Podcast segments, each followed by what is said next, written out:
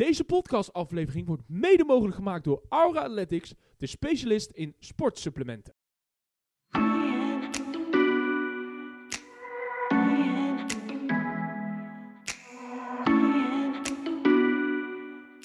Beste luisteraars van FC Tamer, welkom bij de 21ste aflevering alweer. We zijn er weer. Eh, niet met een volledige selectie, want ja, twee hadden zin om carnaval te vieren. Heb ik het eh, toch wel goed uh, verstaan. Ja, we zijn vandaag maar met z'n tweetjes. Ja, we zijn vandaag met z'n tweetjes inderdaad. Van een volle aflevering naar een halve aflevering. nee ja, die andere twee die zijn natuurlijk zoveel in zo'n podcast inderdaad. Dus ja, weet je, hoe kunnen we, dan, hoe kunnen we het anders natuurlijk zetten? Zeker. Dus om te goed te beginnen jongens, ik zit hier namens van de FC Diamond Crew, zit hier voor mij de... Centrale verdediger. De centrale, de, de CV. De CV. De opbouwer of de laatste man? De laatste man. De laatste man? De echte harde trapper, zeg maar. Ja? Zeker. je was vroeger wel op het veld altijd wel een harde, harde Zeker, zeker, zeker. Veel spitsen gingen nog wel eens uh, met de Ruzie met elke spits. Dat, dat, dat was jij inderdaad. Sowieso. Lekker man. En uh, tegenover mij zit... Uh, de Cam. Ik Cam. ben vandaag, ja, ik ben vandaag Cam. Hij speelt op Donny. Ja, ik speel, ik speel op Donny. Ook al uit uh, eerbetoon voor uh, Deelrosun, zoals ze bij Feyenoord ook deden. Juist, ja, als eerbetoon. Nou, dat is klasse. Ik ga fire op Donny. Klasse, dus ja, dit is, ja, omdat we Deelrosun natuurlijk zo erg missen, moet ik, moet ik het gewoon nu doen. En Ja, ik sta nu ook weer niet op cam. Dus dan Ja, kan, ik eigenlijk die positie overnemen, overnemen, inderdaad, ja. Weet je wel, zoals ik altijd zeg, modern problems requires modern solutions. Juist. Dus we, gaan, Nou, we gaan erin duiken, jongens. Zeker. Nou ja, Rico, er waren natuurlijk enorm veel toppers.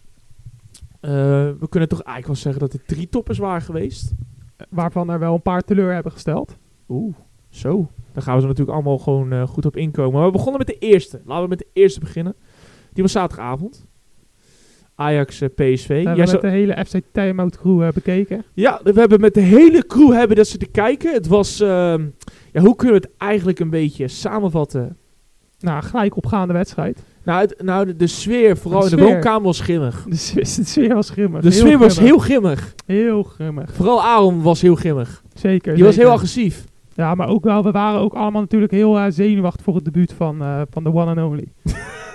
de spanning, Ja. je voelde de spanning gewoon in de kamer. Nee, gewoon. Jullie, jullie drie voelden inderdaad voel, spanning. je voelde ik zat, zelfs de spanning van onze Feyenoord-fans. Uh, ja, ik zat gewoon rustig een Kentucky Fried Chicken kipje te eten. gewoon lekker in de hoek. Gewoon rustig. ja, ik, ik, ik, voelde, zat, ik wou gewoon die wedstrijd rustig ja, kijken. Ik voelde wel je spanning hoor. Ik voelde hem echt. Ik voelde hem gewoon naar me toe. eh, ik denk dat jij een hele verkeerde spanning hebt gevoeld. Misschien zat die jongen naast je een beetje te dicht bij jou. Kan hè. Nou ja, weet je, terug te komen. Het was een gelijkgaande pot. Ik dacht in het begin natuurlijk, eh, niet wetende dat er opeens zes blessures erbij waren. Nou, dat is een beetje overdreven. Ja, maar ja, als je Til en Tilman en... Saibari eh, was wel weer terug. Ja, die was wel... eh, Til was die speelt niet altijd. Til speelde de laatste week wel veel hoor. Maar niet altijd. Til is wel heel beslissend. En Saibari, die speelde ook veel omdat Saibari er ook niet was. En Saibari was normaliter natuurlijk ook eh, een van de camps. En Veerman. En Veerman werd het meest gemist bij ze. Ja, die wordt nog het meest gemist. Ja. Tilman missen ze ook wel lang altijd. Maar lang missen ze al bijna heel het seizoen nu. Ja. Dus ja, lang kan je niet echt meer noemen. Maar uh, Tilman en uh, Veerman missen ze wel eh, flink. En sowieso hadden ze niet echt meer de impulsen om laatst nog iets te wisselen. Ze hadden niet meer veel wissels over. Nee, nee, nee, nee. Maar op zich daarin, ik vond dat het een, een interessante pot was. Ik, ik moet eerlijk toegeven dat Van het Schip het gewoon zijn team wel optimaal heeft voorbereid. En ja, weet je wel, Henderson is wel eentje dat ik denk van, die zette er wel een beetje de lijntjes uit van, joh, luister. eh, op het moment dat ze naar voren gaan, gingen ze naar voren. Op het moment dat ze naar achter moesten, gingen ze naar achter. En er kwamen over het algemeen niet veel, ja, laten we zeggen, gaten. Wat, wat wel is gebeurde vanuit achterin, hè.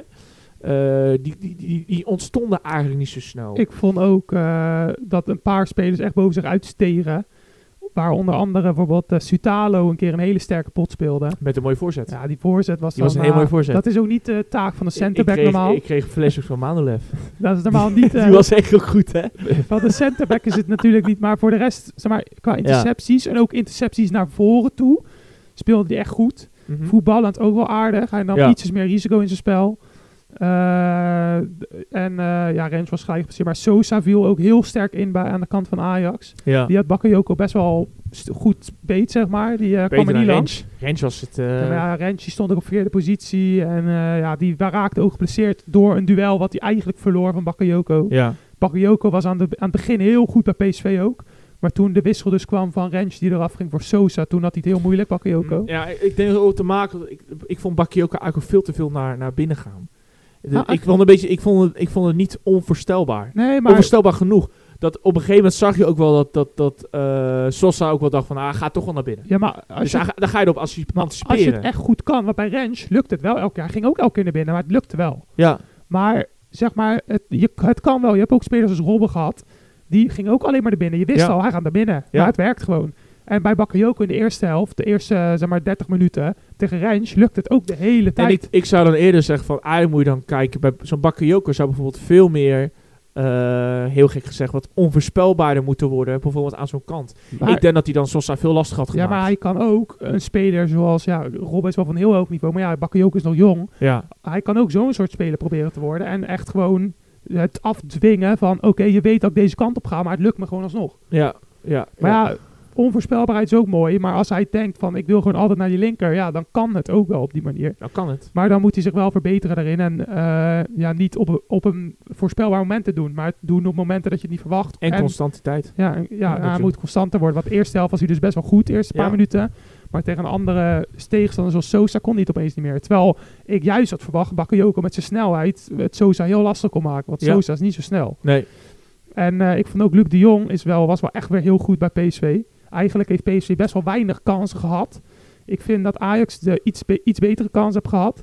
Maar Luc de Jong heeft met de kansen die hij kreeg, heeft hij bijna alles gedaan. Want in de eerste helft had hij de bal nog bijna niet aangeraakt. Komt één balletje. Hij loopt weg van allebei de centrale verdedigers. Hij kruipt voor Sosa. En hij schiet hem er echt heel goed in. Ja, maar dan zie je ook wel de slimmigheid natuurlijk van de jongen. Dat hij het mak dat alleen al door een paar schijnbewegingen hè, los zichzelf te maken van de cv's. Om het dan uiteindelijk via hè, om Ja. met het duel te komen met de linksback die natuurlijk misschien niet de allersterkste is qua Ja, fysiek. En die moest er nog later naartoe lopen. Ja. Die komt natuurlijk van de linksbackpositie. en, en dat je hem dan ook gelijk afrondt. ja, heel zien mooi ook. Niet eens met zijn hoofd, hè. Gewoon, Nee, gewoon met heel, zijn, heel eh, cooltjes. Met zijn linkervoetje. Heel, heel cooltjes. Halve Ja. volley. Dus dat, dat deed hij gewoon heel goed. En, en ja, buiten dat, En die kopbal op de lat bij die corner. Ja. Dat hij zich ook weer heel mooi vrij kreeg. zeker. Zeker. Maar dat was ook een goed teamspel van PSV. Want zeg maar, de Sutalo die stond volgens mij bij eh, Luc de Jong. Ja, En toen kreeg ik, ik weet niet meer wie van PSV, maar iemand die ging een blok zetten voor Sutalo. En ja, toen kon Luc de Jong wegrennen. En Sutalo kon er niet achteraan, want die stond vast door iemand anders. Dus dat hebben ze wel goed ingestudeerd. Maar ja, als Ajax zijnde moet je daar ook eh, op anticiperen. Want ja, zoiets kan je verwachten. Ja, het- Maar, nou eh, tactiek. Hè? De ene probeert dan vrij te spelen, de ander weer de, de ene te dekken. Ja, Of weer om, oh ja, om, om die ene weer vrij te krijgen. wel goed weer van Luc de Jong. Hij sprong ook weer helemaal bovenuit. En, eh, maar eh, Kijk, je kan zeggen wat je wil. De jongen is natuurlijk niet meer de allersnelste. Die kan niet de diepte insturen. nee. Maar wat de jong wel is, is gewoon een van de beste koppers. Misschien wel de beste kopper van Europa. Dat, dat, dat, ja, dat, dat kunnen we altijd... dat- ja, als er nou eentje is die je niet vrij kan laten inkoppen, is het de jong wel. Zeker. Dus daarentegen moet je hem natuurlijk eh, alle credits geven. En ik, ik vond ook dat eh Schouten bijvoorbeeld best wel tegenviel. Maar ik weet ook wel de reden een beetje ervan. Want achteraf werd hij geïnterviewd. En hij bijvoorbeeld één keer liet hij zijn man lopen bij de 1-0 van Ajax. Ja, ja, Liet hij ja. ook een beetje man lopen.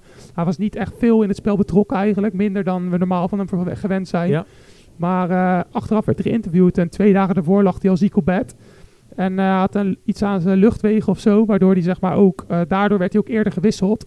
Want eh, ja, hij was eigenlijk nog half ziek. Maar ja, hij ging wel Ja. spelen. Omdat ja, hij wilde wel gewoon die wedstrijd meedoen. Die topper. Dus ja, dat kan wel eh, mede verklaren waarom hij wat minder speelde. Dat is wel logisch als jij eh, nog niet helemaal topfit bent. Precies. Dus ja, en voor de rest vond ik wel ook weer... ja, Ramaljo die speelde opbouwend nog wel aardig, maar verdedigend echt dramatisch eigenlijk tegen Brobby. Ja. Dat heel lastig met Brobby. Ja, En, maar daarte- daartegen vond ik dus Brobby en Berghuis aan de kant van Ajax ook wel best wel sterk spelen. Die eh, Berghuis maakte vaak het spel open met paasjes. En eh Brobby... eh, die ja, verzet heel mooi het spel van de ene naar de andere kant. Ja, en die had echt best wel wat kansjes. Ja, de Berghuis inderdaad. En Brobby had best wel wat kansjes gecreëerd voor zijn ploeggenoten. Zoals bijvoorbeeld een bal die aan, twee keer een bal die aan Taylor gaf.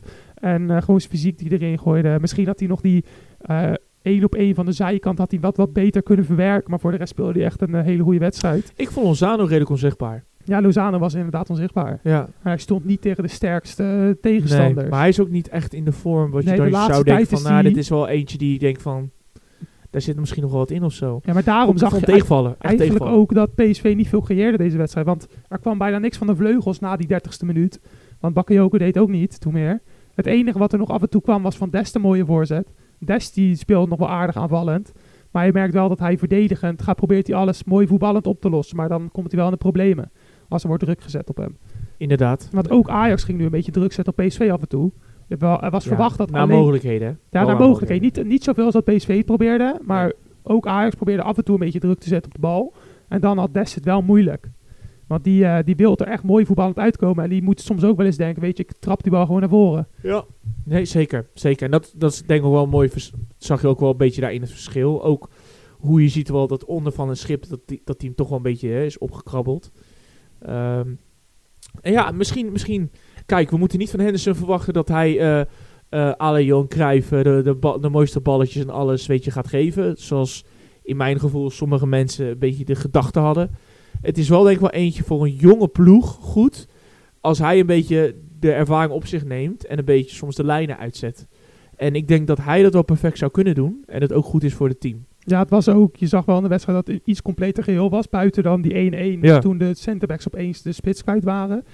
Maar eh, buiten dat was het best wel compact. En ik heb eh, achteraf ook interviews gezien. En dan werd er ook weer wat aan Henderson gevraagd van ja, wat kunnen we wel van jou verwachten en wat niet.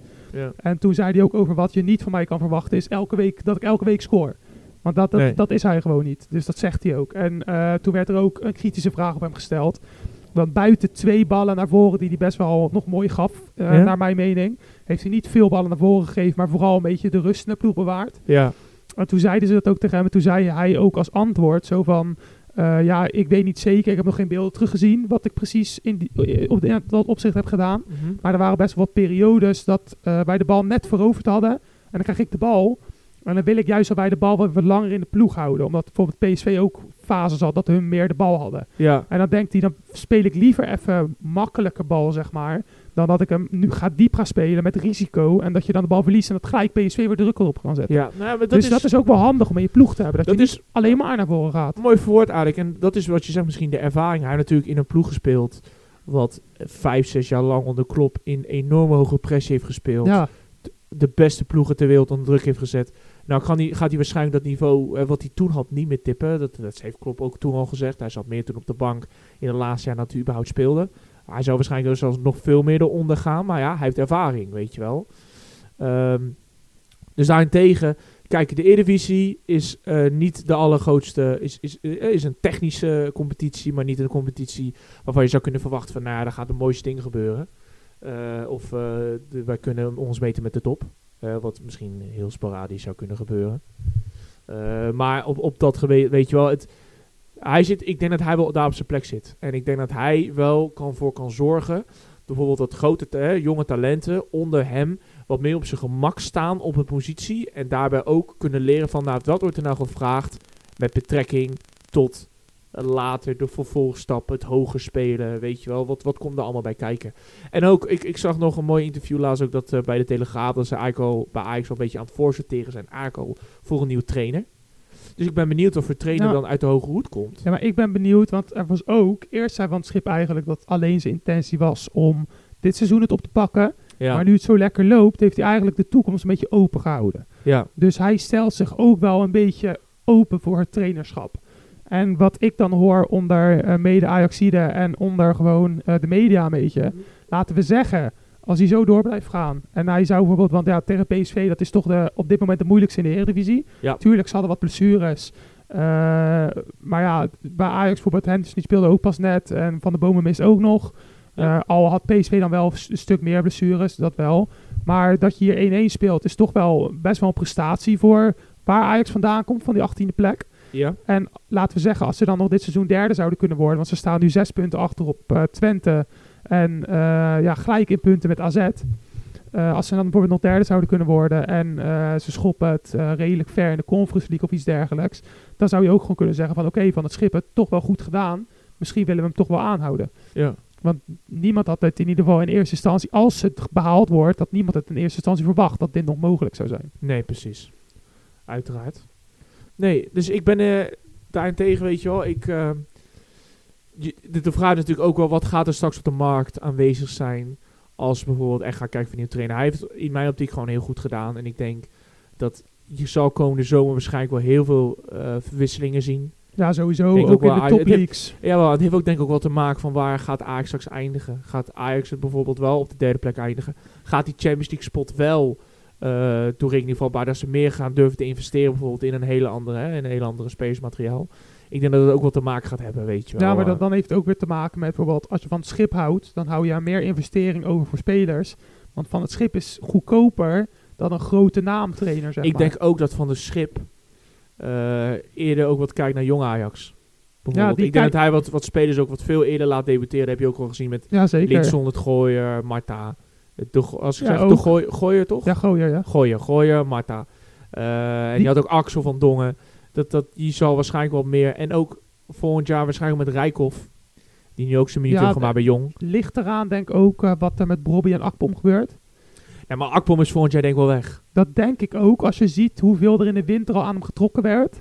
Die is volgend jaar wel Die, weg. en hoe, hoe weinig die nu ook speelt. Omdat Bobby natuurlijk, ja, die ga je die niet uithalen als hij op dit, ja, zo speelt op dit moment. Eh, dan denk ik, als dan Akpom weggaat. En wie weet, Bobby, dat weet, weten we nog niet. Dat ligt er ook aan hoe het nou verder gaat met het seizoen.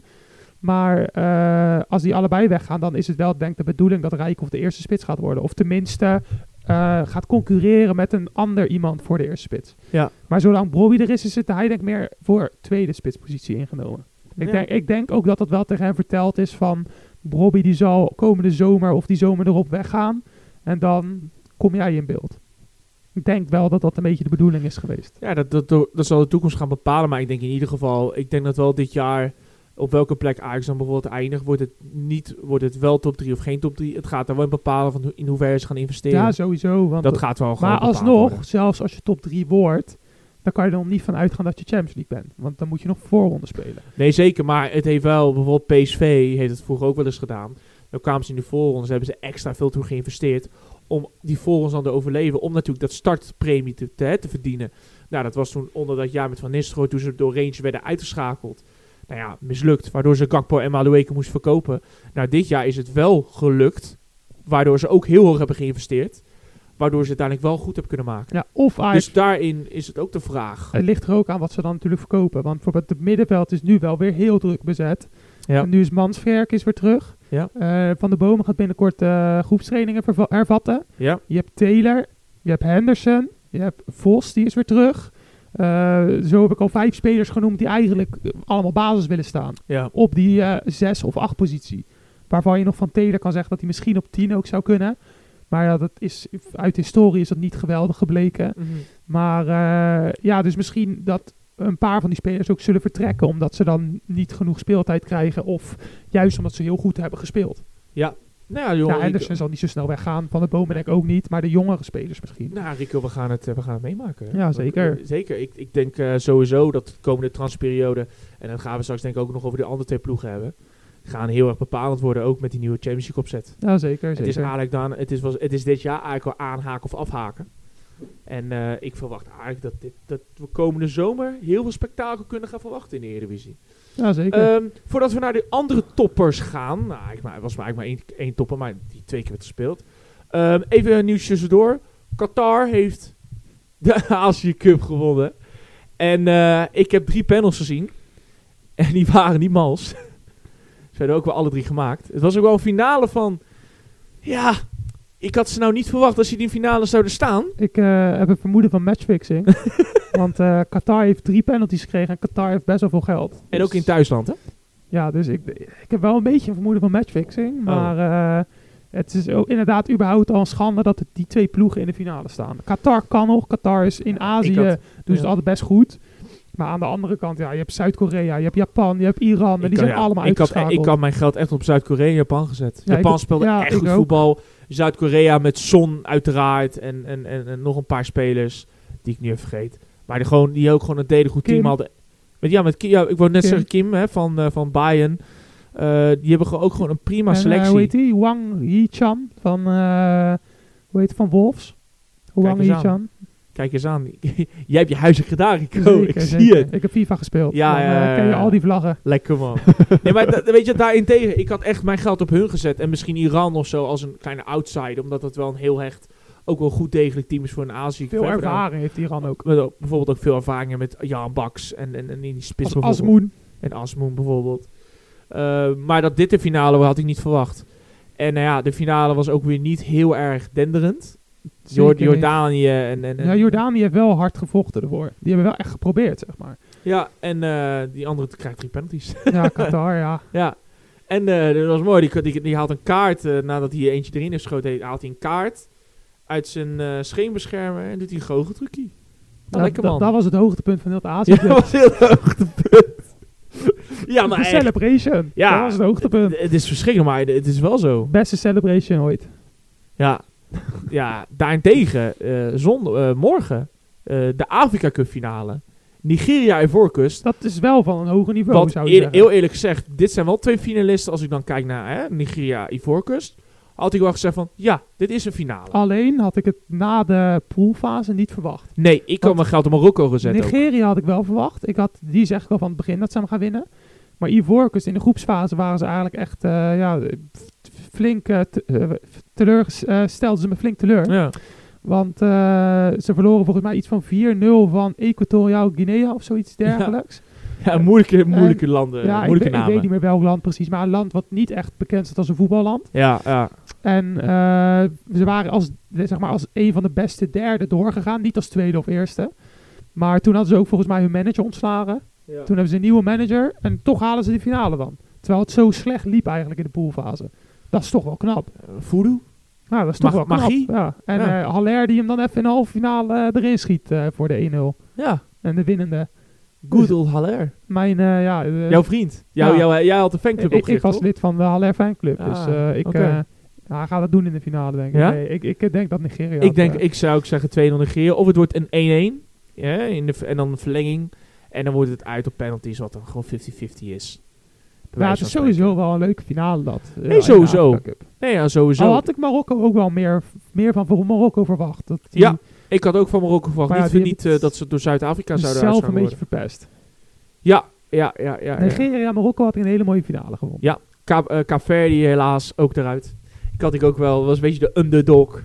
Nou, dat was gewoon Nederland, joh. Ja, Rotterdam-Zuid, hè? ja, dat was Rotterdam-Zuid. En dan eh, bijvoorbeeld eh, Ghana. Of, eh, dat was eigenlijk Nou, in maar feite die Amsterdam Nederlanders die choken altijd op zulke grote toernooien. Ja, zulke kleine landjes. Dan heb je de hoop van, nou ja, weet je, gaan ze stunten. Maar, eh tja, helaas. Ja, zonde, zonde. Zonde. Nee, ik zeg ook, ik denk persoonlijk ook eh, Nigeria. Want hè, met Oshiman. Ja, Oshiman is ook wel heel, heel goed. Maar hij doet op de Afrika Cup niet met zoveel, eh, hè? Chong Ekong. Achterin. Loekman doet alles eigenlijk op de Afrika Ja. Cup. Die heeft er voor mij al vijf in liggen of zo op de Afrika Cup. Lukman. Van ja. Atalanta. Dus eh, Echt. Nou, hij gaat het doen in de Al de finale. pareltjes. Troost Ekong heeft ja, er ook eh, eentje dat gescoord. zeg ik net, hè, Troost Ekong. Ja, die had er voor mij ook al één of twee gescoord. Speelde vroeger nog bij Dordrecht, hè? Ja, toch, wel mooie, toch wel een mooie carrière daar, als je zo... eh, ja, best wel wat oud-eredivisionisten. Ook, eh, ja, ja, ja, ja. hoe heet die? Sangaré.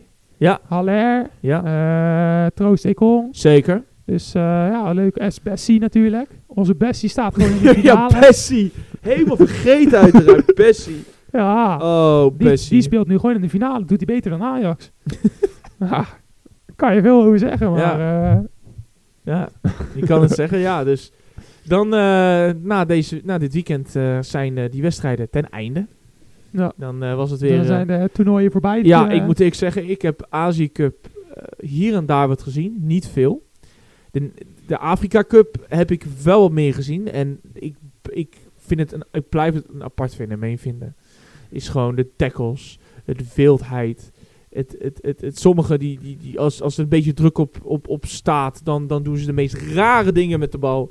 Dat ik denk van, weet je, is dit, is dit, is dit wel mogelijk? Nou, ook minder mooi voetbal dan, zeg maar... Het is meer knokvoetbal dan echt voetbal. Ja, maar dat hoort er ook aan de andere kant ook wel weer bij. En weet je, wij zijn natuurlijk, eh, wij zijn hier in Nederland gewend dat potverdorie de kleinste eh, ploegen hier in Nederland, zelfs de Cambuurs en, en, en de Volendams en, en, en de NAC Breda's in, eh, in, in de keukenkampioen-divisie, die gaan dan gewoon nog Barcelona, AKA, gewoon opbouwen. Weet je wel? Daar is gewoon roeien naar voren. En dan met, met, met, heel gek gezegd, met 22 man voor die bal gaan. In de hoop dat hij erin gaat. Maar er was ook zo'n interview met eh, Troost Ekong. ja. En toen eh, zeiden ze ook tegen hem... van wat doen jullie nu anders dan op andere toernooien? Of zoiets dergelijks in ieder geval. En toen zei hij dat ze een paar jaar geleden waren ze uitgeschakeld in de kwartfinales. En eh, toen probeerden ze eigenlijk veel te lang mooi voetbal te spelen. En toen waren ze uiteindelijk eruit geknikkerd door best wel lelijke goals. Ja. Dus toen hebben ze gezegd, oké, dit toernooi, we gaan gewoon lelijk voetbal spelen als het moet. Bijvoorbeeld tegen, eh, wat was het, Angola of zo, volgens mij. Wat wel eens we tegen moesten spelen. Toen hadden ze ook een, echt net aan gewonnen uiteindelijk. Maar toen, zeiden we uiteindelijk gewoon, weet je, we gaan gewoon knokvoetbal spelen. En we gaan gewoon proberen te winnen. En fuck het mooie opbouwen en dit en dat. We gaan Ja. gewoon ervoor. Ja. Want eh, in de Afrika Cup werkt dat soms gewoon niet. Ja, maar heel, heel eerlijk gezegd, kijk, ehm, als je er ook even naar kijkt, als je in zo'n, eh, met, heel gek ook met een EK, eh, en of een Afrika Cup, of eh, de, de, de, kop, eh, de, Zuid-Amerikaanse Copa, of eh, de Azië Cup. Je kan wel het, het, het Barcelona-manier gaan spelen, het hoog druk zetten, met voetbal, et cetera. Maar als je erover nadenkt, eh, daar word je eigenlijk, op zulke toernooien kan je in één keer pats. Ja, maar je zou toch niet zeggen, laten we zeggen, we zetten even Brazilië daar neer. En die gaan gewoon mooi voetbal spelen. Dan maakt Brazilië ze denk ik gewoon allemaal af hoor. Nee, ja, natuurlijk, uiteraard. maar eh, Dus ik even zeggen, de het, het- kwaliteit is daar, moet, het- daar moet je ook, je moet ook een beetje ja, geluk hebben, want vaak ook in die, in die, ehm, in zulke toernooien worden ploegen uitgeschakeld waarvan je in voorhand het verwacht dat het nooit zou gebeuren. Ja, maar dat is ook... Dat is het hele de, probleem. de kwaliteit ligt er ook niet. Want kijk, in Nigeria wel best wel aardige spelers. Ja. Bessie speelt gewoon in de Premier League. Eh Osimhen doet het gewoon heel goed bij Napoli. Ja. Eh Lookman doet het gewoon aardig bij Atalanta. Ja. Maar het probleem is bijvoorbeeld, ze hebben wel een paar leuke spelers. Maar de, de helft van die spelers, die, die speelt ook bij een wat mindere ploeg vaak. Bij Nigeria valt nog wel mee, die hebben nog wel aardige spelers. Ja. Maar, kijk eens naar een Osimhen. Is een Osimhen nou een echte voetballend spits? Hij is Nee. meer ook een spits die gewoon er staat en die goals maakt. En die, en die in de diepte wordt gestuurd. Ja, en die in de diepte. maar dan speel je wel op een knollenveld, waar als je die bal diep krijgt, dan Ja, stuit hij die ook nog Ja. voor je neus. Ook. ja. Maar je kan dus dan ook niet mooi tiki-taka spelen, want Osimhen Nee. is niet zo'n spits. Dus dan moet je vooral hoog. Ja, dus dan moet je gewoon proberen knokvoetbal, gewoon die ballen winnen. Die bal uiteindelijk proberen bij Osimhen te krijgen. En dan gaat hij gewoon eh, een beetje proberen er Hij gaat, te... hij gaat proberen Maar- te scoren. Maar ja, het is niet zo tiki-taka. Dat is ook niet die spits. nee. Het is zijn gewoon, ja, echte, hij is gewoon een echte finisher. Gewoon een echte topspits. Maar niet eh, voor het mooie voetbal of zoiets dergelijks. Ik denk ook in, in zulke toernooien wint het mooie voetbal het ook niet altijd. Dat is hetzelfde als we nu Haaland op de Afrika Cup zetten. Dan kan die waarschijnlijk niks. Want die teammates om hem heen, die kunnen hem niet zo mooi Nee. eh, die ballen geven Nee. als bij... En hij kan het niet zelf. Maar hij kan wel met zijn kracht die hij heeft, kan hij wel tegen zulke Ja, spelers ja, spelen. dat wel. Maar hij gaat niet in zijn eentje al die spelers uitdribbelen. Nee. Dus Hij is dan daar wel dan gelijk de, de wiste persoon Maar- daar op het veld. Dat is Maar- wel zo, ja. als jij daar bijvoorbeeld een de, de Bruyne of een Bernardo Silva neerzet... Die zouden nog best wel mooi er doorheen kunnen dribbelen. Ja. Die zouden daar nog wel wat kunnen uitvoeren, zeg maar. Messi, die moet echt met drie sche- scheenbeschermers daar gaan lopen. Ja, Die krijgt zeker. Afrikaanse zeker. tackles daar, jongen. Dat, die zijn leven is niet veilig. Die zou het niet overleven. Nee, nee, nee, nee, nee. nee. Nou, ik, ik moet wel eerlijk zeggen, weet je, zulke, soms is het wel leuk om dat naar te kijken. Ja, zeker. het is- zeker. Heel ander voetbal. heel ander voetbal, maar dan zie je ook wel toch wel weer het, het, het verschil. Misschien ook wel cultuur, maar ook gewoon in de manier hoe het voetbalt. Maar het hoeft niet altijd mooi. Maar als daar, die, als, het wel, als het maar effectief is. als daar die nieuwe blauwe kaart wordt geïntroduceerd... dan denk ik dat eh, ze nog maar 6 tegen 6 spelen na Nou. Mooi bruggetje eigenlijk. Ik wou je eigenlijk net gaan vragen inderdaad, jongens. De blauwe kaart. Voor de mensen die niet weten. eh, de UEFA wil dus een blauwe kaart gaan invoeren. Wat te maken heeft dat als die blauwe kaart wordt getrokken. Een speler die dan bijvoorbeeld agressief tegen de scheids doet. Eh 10 minuten eigenlijk van de vel moet. En na 10 minuten weer terug mag komen. Eigenlijk een soort cooldown. Ehm, en als iemand dan of een gele en een blauwe... of twee gele of twee blauwe kaarten krijgt... Ja. dan is het ook, staat het gelijk aan een rode kaart. staat gelijk aan de rode kaart. Dus, Dus, een- of geel en blauw... of twee keer blauw of twee keer geel is rood. Oké. Allemaal kleuren. Allemaal kleuren. Allemaal kleuren. Ehm, ik, heb er, ik, heb dus, ik heb dus goed over nagedacht. Hè? Van, joh, weet je, hoe, hoe, hoe moet ik mezelf in dit perspectief zetten? Ehm, op zich kan ik me er wel in vinden van... We moeten eens kappen met het constant eh, eh, eh, het bespringen van de scheids. En we kunnen wel concluderen, oké, soms is het niveau van de scheids ook echt slecht. Hè? Laten, we, laten we daar ook eerlijk zijn. Maar als je bijvoorbeeld kijkt naar andere sporten, bijvoorbeeld bij rugby, daar worden ook fouten gemaakt, maar de rugbyers die gaan nooit echt naar de scheids. Je hebt ook andere sporten waar bijvoorbeeld de scheids wel met respect wordt behandeld. En je hebt gewoon bijvoorbeeld in voetbal wordt eigenlijk de scheids niet heel vaak met respect behandeld. En dan springen er weer tien man voor zijn neus en dan wordt er weer eh, helemaal zeggen, ja, dit, dit, dit, zo, zo, zo. Maar het, het, het, ik denk, ik hoop, als je die blauwe kaart invoert, hoop ik een beetje dat, dat het mekkeren en het steeds aanklooien en het steeds zeiken, dat dat eigenlijk dan stopt. Dat hoop ik eigenlijk dan, Kijk. als het gebeurt. Hè? Ja, kijk, de blauwe kaart wordt inderdaad ook voor daarvoor geïntroduceerd. Maar ik hoorde ook dat het ook geïntroduceerd wordt voor volgens mij eh, van die tackles. Eh, je weet wel dat er bijna een counter uitbreekt. Hij is nog niet één op één op de keeper of zo. Maar er staan nog twee mannetjes achter. Maar je ziet wel dat hij goed zou gaan kunnen counteren. Er kan best wel een goede mogelijkheid uitkomen. Maar dan heb je zo'n overtreding, wat ze nu zeggen. Dat is een hele handige overtreding. En dan pakken ze altijd geel. Ja. Je weet wel zulke ook typische voetbalovertredingen. Ja. Dan zeg, dan zeg je ook als support, ja, dat heb je goed gedaan, want je hebt een gele kaart gepakt daarvoor. Ja. Maar nu willen ze dus ook dat je voor zulke overtredingen een blauwe kaart kan krijgen. Ja. Waarvoor je aan de ene kant als ar- kan argumenteren, oké, dat maakt het spel leuker, want dan gaan er meer goals vallen. Ja. Want minder mensen gaan zo'n overtreding maken en je ziet meer aanvallen ontstaan, zeg maar. Ja. Die worden niet al neergehaald voordat ze überhaupt kunnen ontstaan. Ja. Maar aan de andere kant, ja, het hoort wel een beetje bij het spelletje. Het is ook een soort strategie wat jij doet. En als jij dan in die counter komt, is het ook de bedoeling dat jij dan al ziet aankomen van oké, zo'n tackle gaat komen, misschien kan ik hem ontwijken. Dat is ook een beetje al hoe, het, Ja. zo is het spel al lang opgebouwd. Dus jij zegt eigenlijk van, je denkt dat het swoon, of nou, laten we zeggen, de, de, het risicopercentage in het spel, eigenlijk daarmee alleen maar omlaag gaat. Mensen durven dan minder snel risico te nemen. Ja, want als jij of dan, ze doen want- het al in, metende van, we gaan, ik ga toch een euro pakken, maar ik moet het doen. Ja, want als jij een gele kaart pakt, oké, dat is niet goed, want dan moet je wel voorzichtiger spelen. Ja. Maar liever dat dan dat ze een veelbelovende counter hebben. Maar als jij een blauwe kaart pakt, dan belemmer je echt je team voor 10 minuten lang. Want dan ben je er 10 minuten af. Ja. En dan moet je ook nog eens voorzichtiger spelen als je terugkomt. Want als je nog eentje krijgt, dan moet je er gewoon af met rood. Ja. Dus dat vind ik wel een beetje eh, ja, een erg straf. Maar aan de andere kant kan je dus wel zeggen van het spel gaat er wel makkelijker door. Eh, en ten tweede, zeg maar, jouw argument over het mekken op de scheidsrechter. Ja. Eh, zelf heb ik ook op voetbal gezeten. En We hebben ja, beide samen voetbal ja, gezeten. beide op voetbal gezeten, zeker. Maar Yes. Eh, ik bedoel, ik was ook zo'n speler die heel fanatiek was. En vaak in de top zijn ze ook wel heel fanatiek. Eh, ja, ik was er niet zo goed natuurlijk, lang niet zo goed als de top, maar ik was wel echt, echt fanatiek. Dus eh, als ik dan, als de scheids bijvoorbeeld iets zei waar ik het niet mee eens was, ja, dan kan je wel even in het moment, in de heat of the moment, ja, dan kan je gewoon reageren op de scheidsrechter. Ik denk dat dat ook wel een beetje bij het spelletje hoort. En als je scheidsrechter bent, dan moet je je daar ook een beetje voorbereiden. Kijk, sommige dingen gaan niet door de mand. Zeg maar, je kan niet eh, iemands familie of bepaalde ziektes, die kan je niet noemen op het veld. Daar kun je nog steeds geel voor of rood voor geven zelfs. Maar als jij gewoon boos wordt op de scheids en gewoon, weet je wel, gewoon niet eens bent met de beslissing, dan snap ik best dat jij gewoon eh, jouw mening gewoon uit. Dus je bent, je bent ook een mens, je zit gewoon in heat of the moment. Er staat op topwedstrijden mega veel druk. Ja, als je dan gewoon niet eens bent met de beslissing, dan mag je toch wel jouw mening even uiten. Kijk, soms gaat het te ver, maar ja, dan krijgen ze ook geel tegenwoordig. Maar voor een klein dingetje richting de scheids al een blauwe kaart te geven of zoiets dergelijks, dat vind ik wel heel ver gaan. Dan hou je ook ja, de, fanatieke, de fanatiekheid uit het spel en de Nou, echtheid. Ik, ik, kijk, ik, als we dan kijken naar die, naar die echte eh aan zijn zeikers, weet je, de, Luc de Jong bijvoorbeeld, goede spits, hè, weet je wel, maar die kan altijd ook heel irritant zijn tegen de scheids. Of eh, ja, vroeger had je ook eigenlijk ook wel een beetje Dusan Tadic.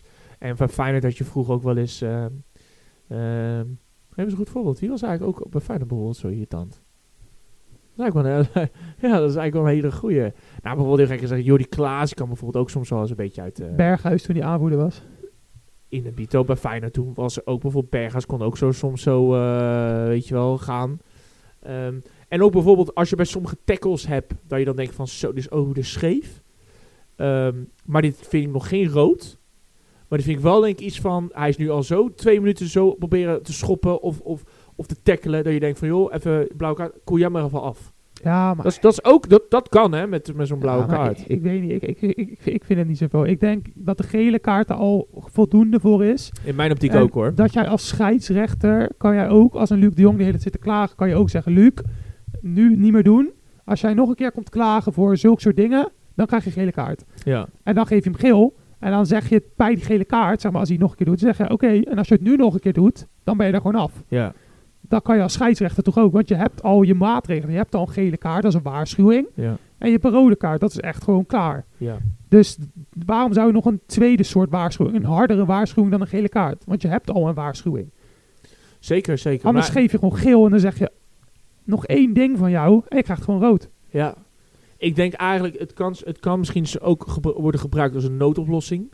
Want ik denk eigenlijk, elke scheids wil eigenlijk in feite nooit een rode kaart geven. Omdat je daarmee eigenlijk de wedstrijd ook kapot kan maken. Maar met een blauwe kaart ook. Met een blauwe kaart natuurlijk ook, maar de hij kan wel weer terugkomen. Die persoon kan wel weer Ja, terugkomen. maar in die 10 minuten, dan kan ook dat team extra veel gaan drukken en een goal scoren. Want het is dat kan. 11 tegen 10 is natuurlijk wel een groot voordeel. Zeker. Dat kan ook. Maar de vraag is eerder van, ja, weet je wel, heb ik dan liever dat ik hem eh, een blauwe kaart geef van, joh, ga er even 10 minuten uit, cool af en kom dan weer terug. Want ik, eh, ik of je geeft gelijk diegene rood en dan hoeft niet meer terug te komen. Dat is de vraag eerder. Ja, maar ja, je kan het beter... Omdat eigenlijk, eigenlijk wat ze zeggen van, we, willen, wij hopen eigenlijk dat de rode kaart minder wordt. En dat we met de blauwe kaart ermee een soort tussenoplossing vinden eigenlijk daardoor. Om daarmee bijvoorbeeld de wedstrijd in leven te houden. Ja, maar, Dat is eigenlijk wat ze ja, zeggen. maar de momenten die hun noemen, die zijn normaal geel waard. En dat wordt blauw. Dus dan hou je niet de rode kaart eruit. Maar dan zorg je gewoon dat er nog meer het spel wordt Maar belemmerd. wat nou als het een, een, een situatie is waar je echt denkt van dit is echt donkergeel. Maar echt gewoon tegen rood aan. Dit, is, dit, dit, zou, dit zou wel eens rood kunnen zijn.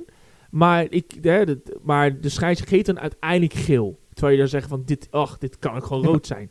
Dat ze dan uiteindelijk zeggen, joh, ik geef het blauw, dat is dus de middenweg. Ja, maar misschien in zulke situaties zou het dus eh, het eh, spel kunnen verbeteren. Ja, Maar ik denk dat er veel meer situaties zijn waarin het spel juist belemmert. Omdat jij net al noemde, als ze tegen de scheids gaan schreeuwen, en dan geven ze dus, moet je ze blauw geven, dan belemmert dat flink het spel. Het Ja. spelbeeld, laten we zeggen, het is een topper en iemand moet 10 minuten eraf, dat scheelt toch echt heel veel in het spelbeeld.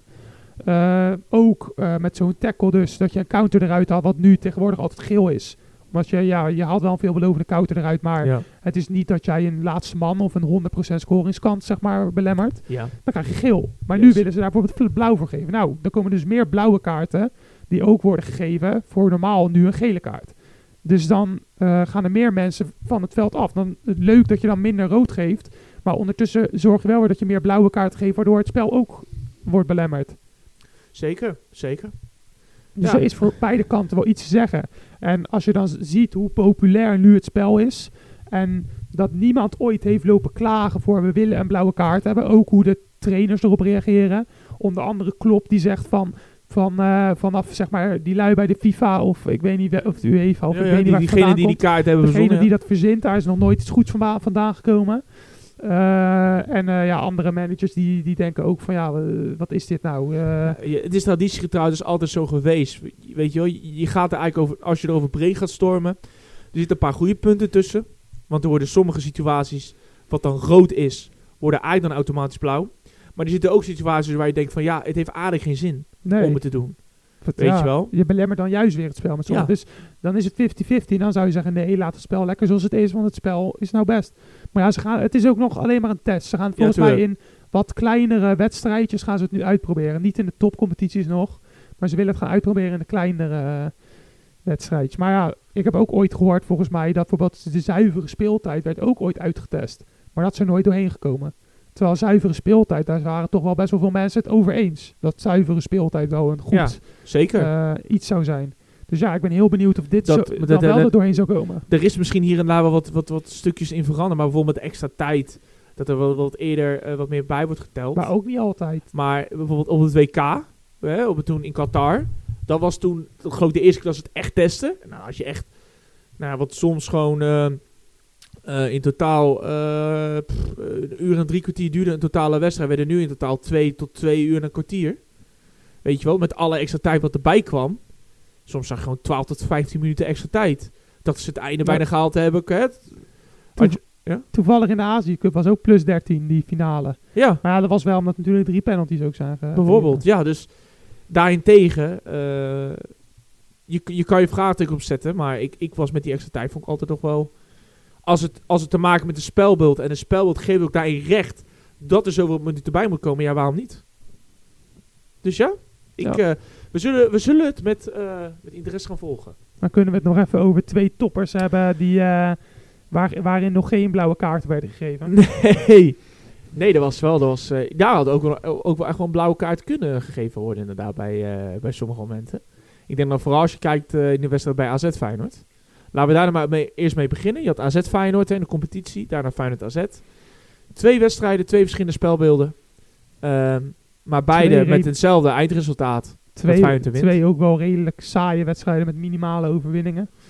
Ja, ja, ik moet eerlijk toegeven dat ehm, als je kijkt naar die wedstrijden, AZ eh, had het redelijk goed onder controle in de, in de, thuis, eh, in de thuiswedstrijd. Eigenlijk na, na minuut 15, 20 had AZ echt goed druk op Feyenoord. En, en, en het spelbeeld was eigenlijk wel, heerlijk, eh, wel redelijk duidelijk. Is dat ze op een gegeven moment eigenlijk ze bouwden op twee mannetjes op. Of soms vaker drie. En dan op de constant om eigenlijk Klaasie vrij te krijgen. En als Klaasie of eh, daarnaast, uh, geloof was Mijnans, de bal kregen. Dan werd er gelijk een diepe bal gezocht aan de buitenspelers. Ze hadden eigenlijk twee buitenspelers. Ze hadden eigenlijk met Van Bommel en, als het goed zegt, Sadiq. Om vooral de diepte te zoeken. Om, hè, om de ruimte achter de verdediging te vinden. Waardoor er uiteindelijk wel een paar kansen ontstonden.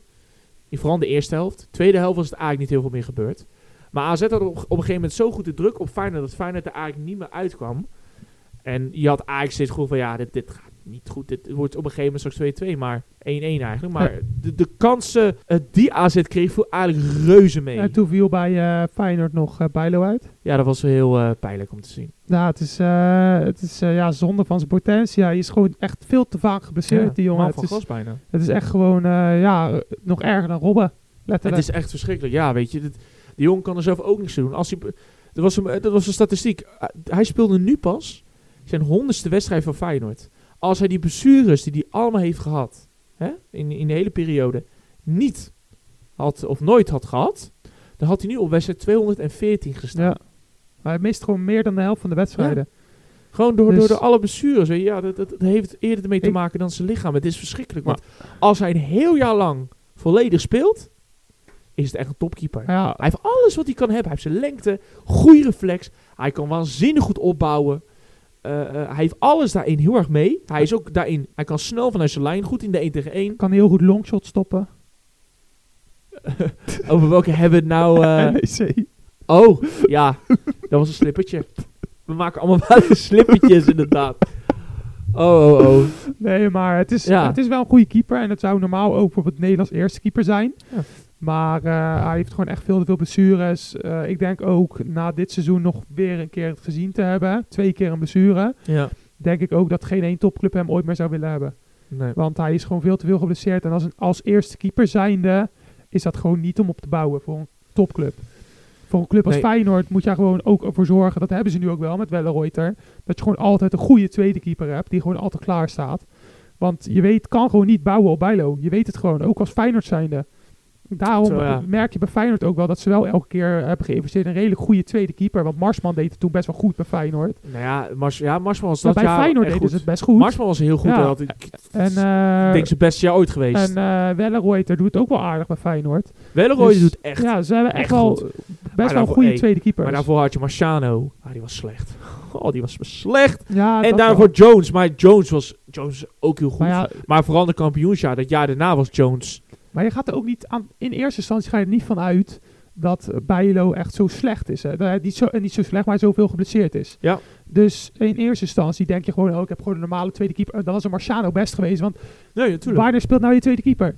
Maar ja, als jij ziet hoeveel Bijlo geblesseerd is, dan gaat Feyenoord ook natuurlijk nadenken. En oké, we moeten echt wel een goede tweede keeper hebben staan. Want de, de kans dat Bijlo geblesseerd raakt is gewoon groot. Zeker. Dus ja, daar ga je ook op voortbeduren. En dat, dat heeft Feyenoord wel redelijk goed gedaan met Welleroyter. Yep.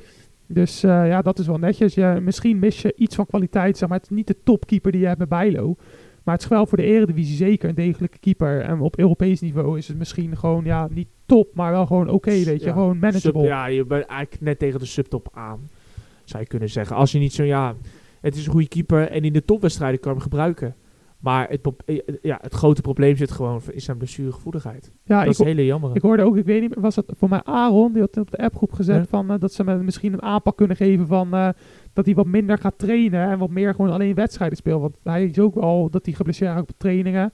Hij heeft ook dat hij, ja, je wordt toch meer belast als je ook traint zoveel. Ja. Dus misschien dat je hem dan iets meer kan ontlasten. Dat je ook een keeper, dus zijn conditie op peil houden, kan hij misschien ook wel doen door eh, zelf te lopen en dingen te doen.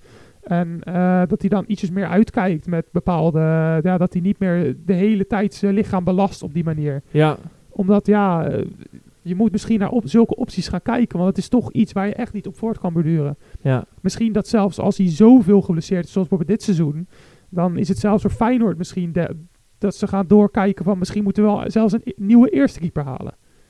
Want het is Ja. niet iets waar je op kan bouwen. En je wilt Nee. toch wel een topkeeper hebben Zeker. in heel het seizoen. En dat is Bijlo, maar ja, dat, dat, hij is er Dat gewoon is- niet.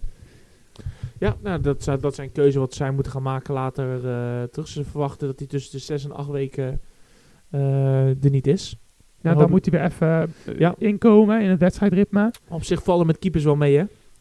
Keepers worden daarentegen wel snel wedstrijdfit. Ja, maar je merkt wel, zeg maar, omdat hij wat minder speelt, dat, je, dat hij soms ook wel een flatertje heeft of iets dergelijks. Ja, En dat had hij, ik denk, in seizoenen dat hij veel speelde, had hij dat wat minder. Ja. Ja, het is toch, ja, je moet toch eens ook wel, eh, ze zeggen het niet voor niks, dat je altijd met je wedstrijdritme opbouwt, zeg maar. Ja, keeper, kijk, qua conditie misschien niet, maar wel een beetje wedstrijdritme, gewoon die spanning weer en alles erop en eraan. En zeker. eh, ja, je moet je ook klaarstomen voor die wedstrijddagen op bepa- met bepaalde trainingsschema's met de groep.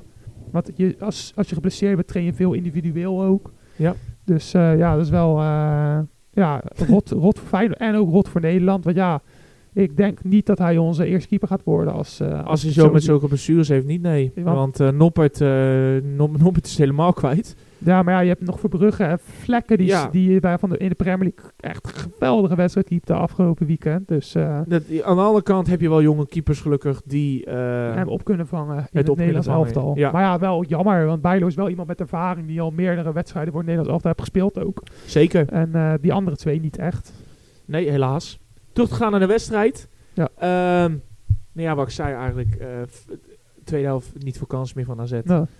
Eh Feyenoord heeft daarna eigenlijk eh, volgehouden wat ik niet had verwacht. Eigenlijk een beetje Mourinho-achtig. Heel gek gezegd. Hè? Weet je, want ze kwamen er niet meer over, over uit. Ehm, ja, het kwam ook wel weer eh, mooi te zien dat de, de flanken gewoon bij Feyenoord uitermate zwak zijn. Daarbij ook dat je op een gegeven moment ook weer Nieuwkoop erin zetten. Nou, ook in die wedstrijd bij AZ uit, hè? en tegenwoordig ook de spits, die het niet, gewoon brengt. Nee. Die vroeger het eh, eigenlijk Feyenoord altijd eroverheen trok en die goals maakte. En nu toch wel echt in een vormdip zit, kunnen we wel zeggen. Zeker, zeker. Ik, vind, ik ben ook van mening dat eh van, ja, Gimenez is, is nu gewoon is een beetje kwijt. Is een beetje kwijt, weet je wel. Niet, niet lukt heel veel. En Slot zegt van, nou, weet je, die goals gaan wel komen. Ik wil gewoon dat hij gewoon keihard werkt. Nou, dat vind ik een mooie redenering. Maar ja, als je gewoon keihard werkt, blijft oefenen en blijft doorgaan, dan moeten die goals op een gegeven moment vanzelf wel moet komen. gewoon niet in zijn kopje gaan zitten. Nee, En ja, het is nog een jonge speler, dus zulke dipjes die komen wel eens voor. die komen, die komen inderdaad wel eens Zo, voor. Ik ben wel van mening ook, als de, de aanvoer bij hem is ook soms wel slecht. Hij krijgt soms ook weinig aanvoer. Ja, ja Ja, maar de zijkanten is bij Feyenoord ook niet goed genoeg. ja, maar toch, aan het begin van het seizoen, zeg maar, je hebt de hele tijd dezelfde zijkant gehad. Ja, Ivanovic heeft dan, aan het begin had hij best wel een goed seizoen. Paxao nou, begon, twee goede wedstrijden. Ja, in, in ieder geval toen hij net bij Feyenoord was, deed hij het even goed. Ja. En eh, hoe heet die, Paxiao, die deed het ook nog wel aardig aan het begin. Dus toen had hij wel iets meer aanvoer, maar hij heeft ook wel zelf veel kansen gecreëerd door gewoon een centrale verdediger één op één helemaal uit te spelen. Ja. Door een mooie kapbeweging of een mooie dribbel of eh, Ja. en dan een afstandsschotje of iets dergelijks. Dus tuurlijk is de aanvoer minder, maar normaal maakte Gimenez ook zelf echt gewoon uit zichzelf goals. Zoals je nu eh, bijvoorbeeld bij Bobby ziet, bij Ajax creëert hij ook veel zelf. En dat deed Gimenez eerst ook. Ja. Maar ja, aan het begin van het seizoen had juist Bobby weer een vormdipje. En die is ook jong. Dus misschien heeft Gimenez nu dat vormdipje en pakt hij zich uiteindelijk ook weer op. Dat, eh, dat is iets waar wij eh, als Feyenoord zijn er natuurlijk op hopen. Ja, Hij heeft nu al een paar wedstrijden dat hij niet laat zien. En, en, en het is voor hem zoeken naar vorm. Weet je, ja, je, je kan er niet anders van maken, uiteraard. maar ja, zou je Ueda opstellen dan? Of? Nou ja, dat, dat is de vraag. Misschien heeft hij het wel nodig. Misschien is één of twee wedstrijdjes even goed voor hem. Hij mist sowieso... Hij had geel natuurlijk tegen AZ eh, thuis in de beker. Eh, daar, hij mist sowieso de halve finale. Hij is bij de, dus nou, als je bij de finale zit. We komen straks nog wel even over de loting. Dan zit hij daar dan natuurlijk bij. Ehm, maar op zich ook niet slecht dat je even met Ueda... Want Ueda is echt geen slechte spits, hè. Alleen Ueda mist wedstrijdritme. Ook in, de, in, de, in het elftal Nou, in de Azië Cup heeft hij veel gespeeld. veel gespeeld, veel gescoord ook. Zes goals in, in de cup. Dus op dat gebied. Ja, Ueda is ook een goede spits.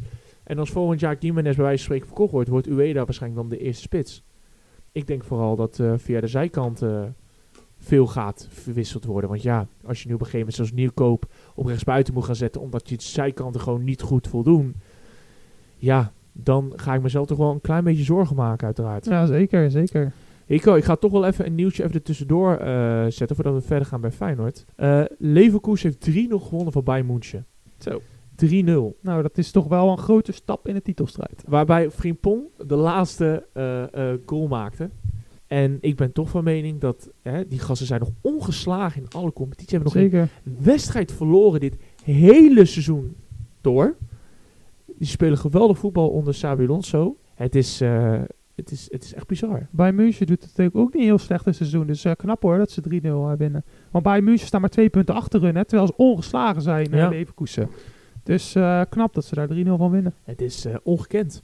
Zeker, Lever, zeker. Leverkusen, ga maar door. Ja, En wat Bos eigenlijk een paar jaar geleden probeerde te proberen met Leverkusen, doet eigenlijk nu Xabi Alonso. En ja, ik persoonlijk, als, als Xabi Alonso dit flikt, is hij na dit jaar weg. zeker. Liverpool, ik, ja, ik, eh, Liverpool zou natuurlijk prachtig zijn. Maar aan de andere kant, ik, ik zou ook denken, bijvoorbeeld, ik zou, het zou ook een, een, een toptrainer zijn van Madrid. Ja, maar Madrid, Madrid, heeft ja, al zijn ja, trainer. die hebben natuurlijk eh, zijn trainer al verlengd met Ja. Ancelotti. Dus dat is sowieso geen optie voor dit seizoen. Ik denk dat op een gegeven moment hij uiteindelijk ook wel naar Madrid Ja, gaat. en er zullen nog wel meer managers, eh, ja, meer vacatures openkomen. Want Ten Hag is nog onzeker dit seizoen. Die doet het nou weer wat beter, maar eh, te onzeker. Eh, bij Chelsea is Pochettino redelijk onzeker. Ja, Eh, Tottenham zit nou wel aardig met, eh, met hun coach. ja. City, ze heeft Guardiola ook gezegd dat hij blijft. Maar je weet het nooit nu bij Barça weer een vacature is. ja. Dat misschien die toch weer denkt van weet je, ik ga me nog een keer bewijzen en laten zien dat ik dit slechte Barça nog kan fixen. ja. Maar ja, ik denk dat hij wel bij City blijft. En ja, Liverpool natuurlijk open. En eh, ja, Arsenal die zal ook wel aanblijven, Arteta. Maar eh, dan zijn er toch wel een paar goede ploegen die eh, manager gaan zoeken ook. Zeker, zeker. En dat wordt heel interessant uiteraard. En ik, ik ben ook benieuwd naar, er gaan inderdaad wat trainerswisselingen komen. En dan wordt ook interessant bij welke trainers uiteindelijk gaan uitkomen. Zeker, zeker. Zeker. Ehm afronden van Feyenoord. En wil ik het toch ook nog even over de loting hebben. Nou ja, en daarna Feyenoord AZ thuis natuurlijk. Ehm, ja, uiteindelijk eigenlijk een heel ander spelbeeld. Feyenoord wel de dominante. De bal. En AZ speelde zonder Pavlidis. Ja, hun topspits was er niet bij, hun topspeler. nee. En eh, hij had toen Sadik, eh hij had toen Poku geloof ik in spits gezet. Ja, die is er eigenlijk niet uitgekomen. De meest gevaar kwam eigenlijk in de laatste paar minuten toen Zeefuik inkwam. Die Zeefuik heeft heel veel weg ook een beetje van Lukaku. In de manier hoe hij zijn lichaam beweegt en alles. Ehm, eigenlijk, ik, ik, hij heeft ook, ook een beetje, hij gebruikt zijn lichaam net zo erg als Brobby bijvoorbeeld ook gebruikt. Het is een hele stevige gozer. En ik denk dat AZ echt wel een goede keuze heeft gemaakt om die jongen te halen. Ik denk volgend jaar, want Pavlidis zal komende zomer verkocht gaan, verkocht gaan worden. Dan wordt die jongen de nieuwe spits. Hele jonge jongen, 19 jaar. En ik denk dat hij onder, bij AZ heel erg zich kan ontwikkelen tot een nog betere spits. Maar, ja, en hij kan ook goed leren van Pavlidis. En ik denk dat Martens daar ook wel het seizoen uiteindelijk dan ook afmaakt en dan nog verder ingaat. Hè, AZ heeft daarna ook, daarbij natuurlijk altijd beleid gehad om verder te gaan, om niet zo snel een nieuwe trainer te halen, maar trainers door te schakelen. Was met Slot al, hè, na, eigenlijk naar Van der Bron kwam Slot, toen kwam Jansen, nu Martens, eh, Maarten Martens. En is op zich ook wel een trainer die echt wel weet wat hij doet. Ik denk ook wel, en daar ben ik wel van mening, er zit heel veel talent in dat elftal. Alleen, het, het is geen constant. Het is niet constant. Ja, je- En AZ kan ook zomaar 65 worden. En dan moet ze aan de andere kant ook wel weer begrip voor hebben. Omdat er zoveel spelers vanuit jong AZ komen. En ja, als je van een jong elftal opeens naar de grote mannenvoetbal komt. Is altijd een stap extra.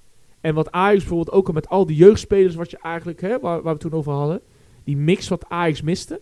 Nou, dat heeft AZ eigenlijk ook wel een beetje. Met een paar eh routiniers ertussen. Hè, met Martins Indy, met, met Klaas en ook Bazoer. Eh, maar voor de rest, voorin is het allemaal heel jong. nou, maar Middenveld jong. Achterin ook wel. Hè, met Mullenwolven, Soekawara. Weet je wat? Het, ervaring mis je ook je wel. ziet dan ook wel dat ze echt Pavlidis missen in die eh punt Ja. van de aanval. Hoe belangrijk hij voor dat elftal is. Ook misschien in de leiding voor in te nemen. En ik zag volgens mij ook, ik weet niet of dat klopte. Dat, dat stond in ieder geval op voetbal flashscore. eh, dat eh, Sugawara eh, wat meer naar voren werd geschoven Ja. in die wedstrijd. Om Hartman tegen te gaan. Ja, Maar wat, dat deed Feyenoord ook met Nieuwkoop op Moelenwolven eh een beetje te stoppen. Want daar kwam ook het meeste gevaar vanuit. In die, eh in die thuisstrijd van AZ. Is dat die Moelenwolven op een gegeven moment zoveel op kon komen. eh, waar, en de Stenks was ook niet te vis op dat moment. Waardoor, waardoor AZ constant steeds met een man meer kon komen. En daardoor steeds gevaarlijk ja kon het, is, worden. het is toch wel triest dat Nieuwkoop elke keer op die flank moet gaan Ik staan. vind het super triest. Dat is toch wel Het is- echt... eh, Hij, hij gebruikt eigenlijk de methode wat ze bij Union Sint-Gilles toen ook geprobeerd hebben in België. Dat, dat, bij Nico was toen een wingback.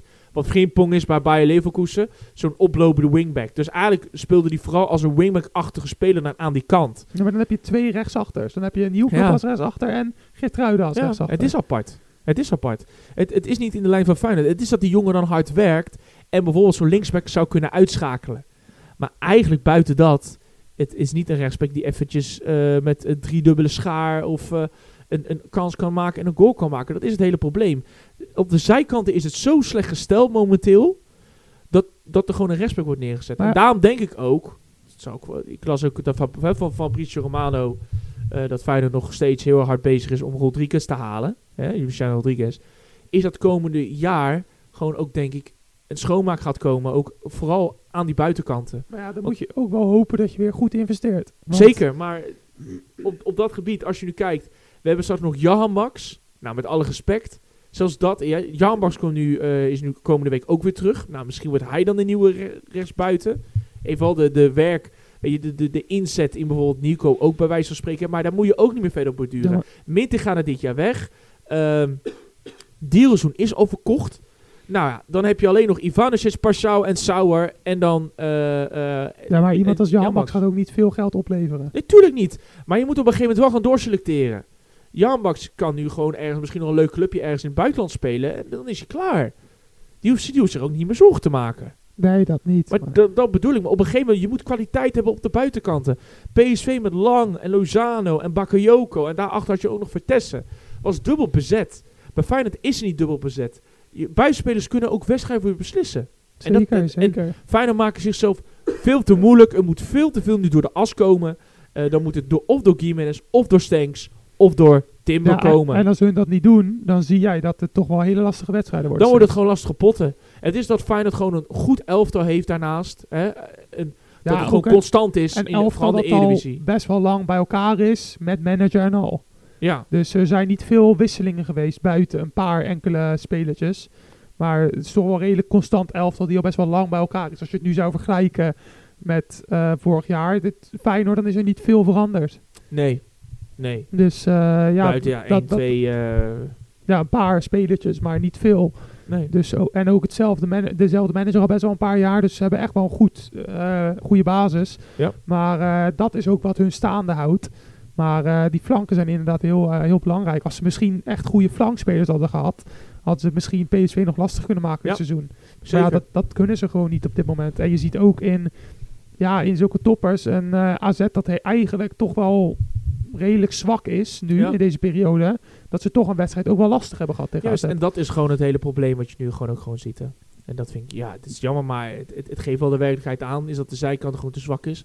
En dat je straks, in, in de Europa League hebben we straks AS Roma bij wijze van spreken. Ja, in zulke potten kan het bijvoorbeeld open opbreken. Maar het kan ook. Of, ja, Voor Roma zit natuurlijk ook in een nieuwe fase met een nieuwe trainer. En Ja. Met Tien Huizen, wel- die daar heel Ja, leuk speelt. Maar ja, dat zijn wel weer veranderingen. Dus dat kan goed uitpakken voor Roma, maar ook slecht uitpakken voor Roma. Dus we, hoeven in ieder geval, sowieso een spannende pot. we hoeven in ieder geval niet meer te kijken naar het voetbal van José Mourinho. Want we moesten meer naar José Mourinho kijken volgens José Mourinho. En dat, dat hoeft nu niet meer. Nee, Nee. dat hoeft niet meer. Laatste vraag, Rico, voordat wij naar de voorspellingen gaan en naar het, eh, naar het, feit, naar het eindsignaal. Toch naar weer vragen. Als we nu kijken naar de eh, ploegen die over zijn in de KVB-weken. We hebben dus Feyenoord, hè? Ik denk toch als topfavoriet. De, Ja, en daarbij heb je dus ehm Cambuur, Groningen, beide KKD-ploegen en NEC, die toch wel in een goede vorm zit. Verloor al gisteren verrassend van RKC, 2-0. Ehm, maar is het apart, als je nu ook kijkt naar dit jaar, is het hoe het voetbal is gesteld ook. Is, we hebben nu twee KKD-ploegen. Veel amateurteams hebben ook gewoon Eredivisie-ploegen, slash KKD-ploegen uitgeschakeld. Met natuurlijk Ajax als het, als het meest bizarre uiteraard. nou, dit is toch gewoon bekervoetbal op ten top. Kan je eigenlijk zeggen. Maar vind je dat het niveau daarentegen eh korter is geworden? Ja, Ik heb wel altijd gezegd, ik heb zelf altijd gezegd, onderkant Eredivisie, doe niet onder aan bovenkant KKD. Heb je ook gezien met Cambuur, Vitesse. En maar ik denk dat het ook wel ligt aan eh, de lotingen die zijn geweest. Want bijvoorbeeld een Cambuur die heeft tot en met Vitesse niet hele moeilijke loting gehad. maar ook ja, Ja, dus ja, dan is het niet amateurploegen. Ja, dus dan is het niet zo moeilijk om de halve finale te halen. Groningen heeft ook niet echt de allermoeilijkste tegenstanders gehad. En eh, ja, Feyenoord heeft gewoon eigenlijk alle moeilijke ploegen uitgeschakeld. Want die heeft gewoon loting naar... eh, PSV had natuurlijk ook een moeilijk... Dus eigenlijk hebben alle moeilijke ploegen elkaar al geloot. Ja. Ba- buiten Ajax. Ja, Ajax niet. Maar Ajax zat gewoon in een hele dip in bepaalde... eh, ja, die heeft gewoon heel incon- inconsistent waren die dit seizoen. Dat was ook Ja. te zien aan dat ze 18e hebben gestaan.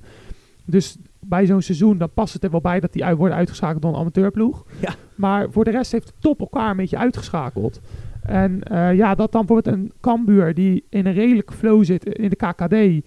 wint van een Vitesse die totaal niet in een flow zit. Dat is, vind ik nog wel te doen eigenlijk. Zeg maar niet heel apart. Want het is ook gewoon, je moraal gaat gewoon vooral als een club als Vitesse... Kijk, Volendam kan zoiets verwachten. Dat Volendam gewoon echt moet vechten voor die degradatie. Ja. Maar Vitesse, ook die spelers, die zouden aan het begin van het seizoen niet verwachten dat ze gaan vechten voor degradatie. nee. Dus die zitten echt wel in een morele dip. En dan was de coach nog weggegaan. En eh, Ja. ja. dan kan het dat je zo'n wedstrijd in de beker dan verliest. En dat je het ook minder belangrijk vindt. Want je wilt gewoon in de Eredivisie blijven, meer niet. Zeker. Dus ja, zulke dingen vind ik nog wel redelijk te kunnen gebeuren. En dat is ook echt bekervoetbal gewoon. Ja. Want je hebt die, die kleinere ploegen die willen ook graag ver in die beker komen. Want die spelen voor de rest in hun seizoen. Bijvoorbeeld een Hercules, ja, die staan tiende in de vierde divisie. Die spelen voor de rest nergens voor. Nee. Die leven echt naar die wedstrijd toe. Ja. En een een Cambuur of zo, ja, ja, die leven er ook wel naartoe nu. Want ja, die staan in de KKD ook wel redelijk. Maar ook niet echt voor de eerste plaats volgens mij. Mhm. En eh, die leven dan ook wel meer naar die wedstrijd toe. En de Vitesse die denkt dus meer gewoon aan de eredivisie. En ja, Ja. met de loting kan dus alles gebeuren. Wat ik zeg, eh, de topploegen hebben elkaar Ja. gewoon uh, uitgeknikt. Aan de andere kant, weet je wel, ik, ik zou, heel gek gezegd, wat nou als een Cambuur of een Groningen of een NEC wint. Ik zou het leuk vinden voor de club. Hè? Je- Leuk voor de supporters. Dat, dat, dat, hè, ook wel te doen met Pax Volle bijvoorbeeld. Maar voor eh, de status van het eredivisievoetbal, voor de, voor de competitie en alles, is het slecht. Want je moet er toch niet aan denken dat we straks Cambuur of zo, of idem dito, naar de Europa League toe Ja, moeten sturen. Waarom is zo'n sprookje slecht? Want je hebt het ook in... Ja, maar het gaat ook om punten. Het gaat ook om punten.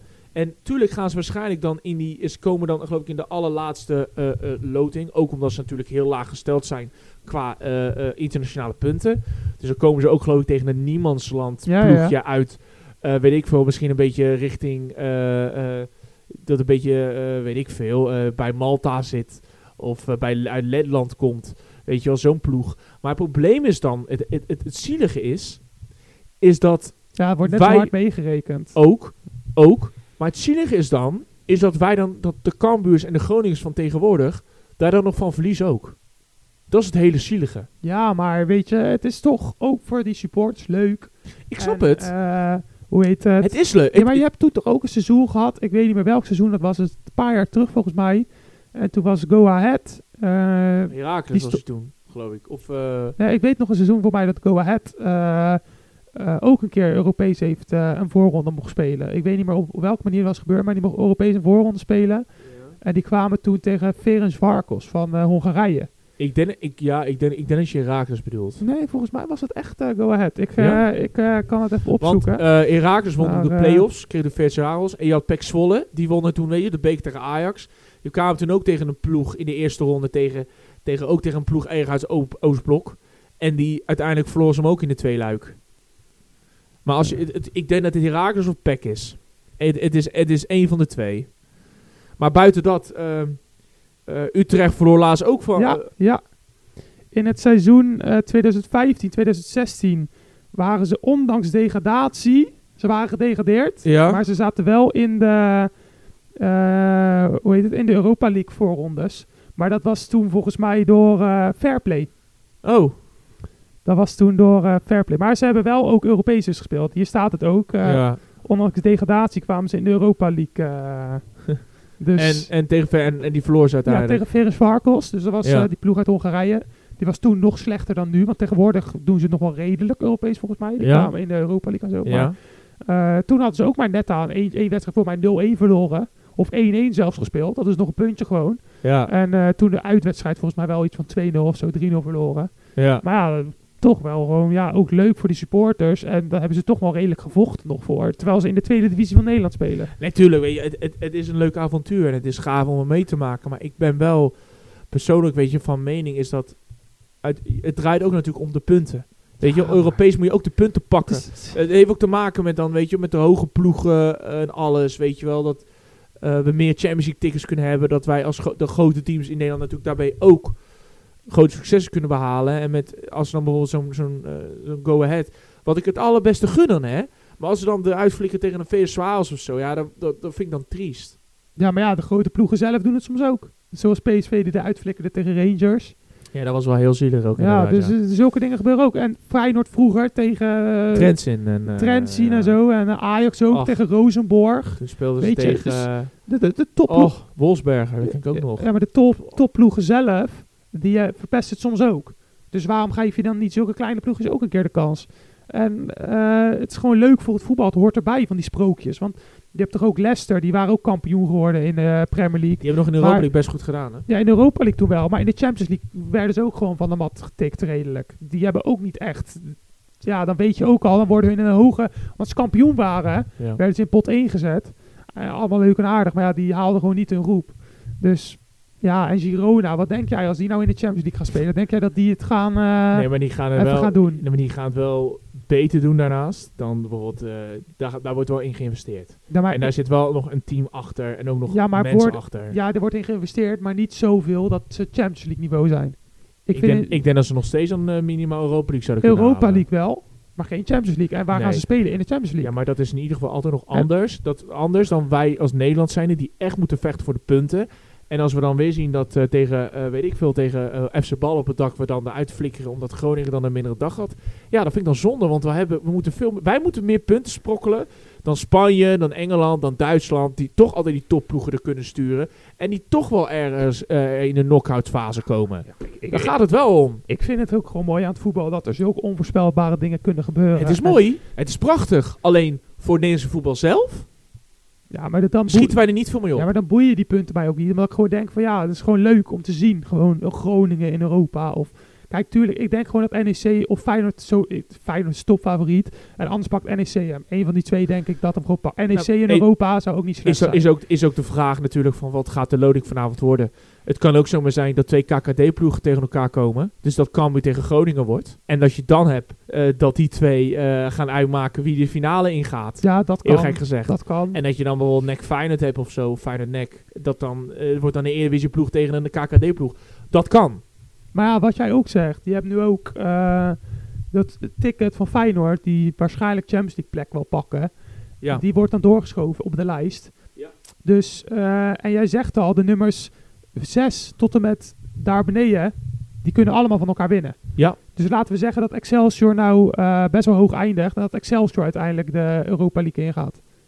Dat, ja, dat, dat Of de Conference League. Ja, dan ben je toch ook niet blij. Maar ja, dat is dan ook zo. Je hebt op het Nederlands, je, gaan gewoon zes ploegen Europa in, volgens mij, tegenwoordig. als het, eh, als het Of goed... vijf, zes of vijf in ieder geval. Nee, even kijken, wacht. Dit is dus. Je twee Champions League. Champions League. Drie is voorronde. eh, vier is Europa League. Ja, dus zes, zes ploegen.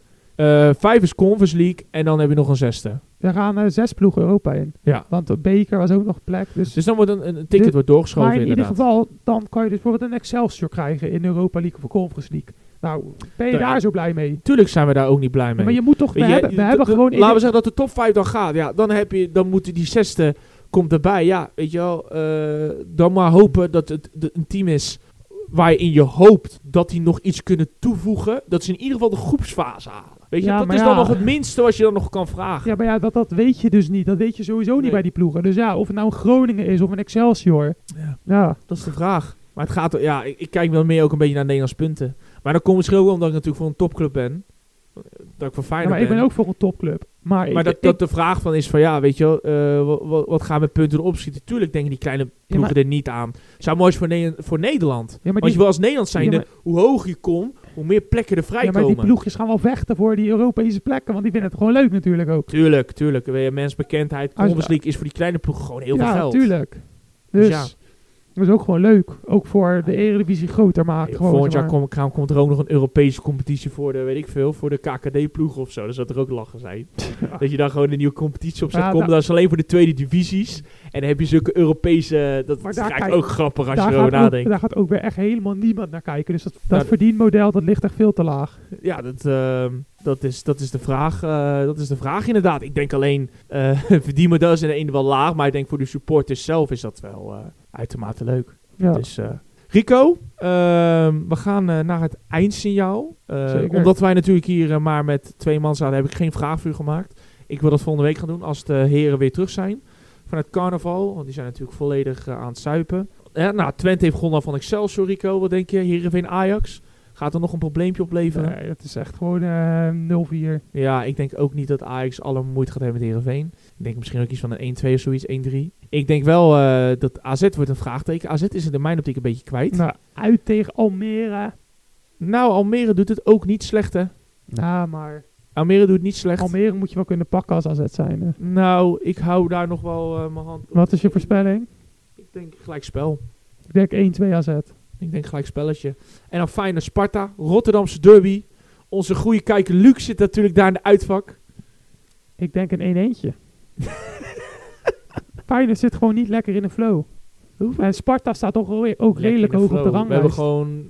We, wi- we winnen gewoon 3-0. Ja, maar tegen een slecht AZ. en dan Sparta heb je het één goed. wedstrijd moeilijk. Wij winnen gewoon van... eh, ik, ik, heb, ik heb alle vertrouwen dat we gewoon aan van eh, Sparta winnen. 3-0. Ja, hoeveel uh, voorspel je? Oké. Ik, ik, ik verwacht Nou, het we, gewoon we gaan het zien. We gaan het zien, heren. We gaan het zien. Ik wil jullie in ieder geval bedanken voor deze best wel lange dubbel aflevering. Moet ik toch even toegeven. Volgende week zijn we hopelijk weer met een volledig team. Zeker. En dan gaan we ze van die heren vragen of ze nog wel een beetje leven naar carnaval. Dat gaan we Precies. zeker doen. Dus namens FC Timehouse Crew, tot de volgende keer.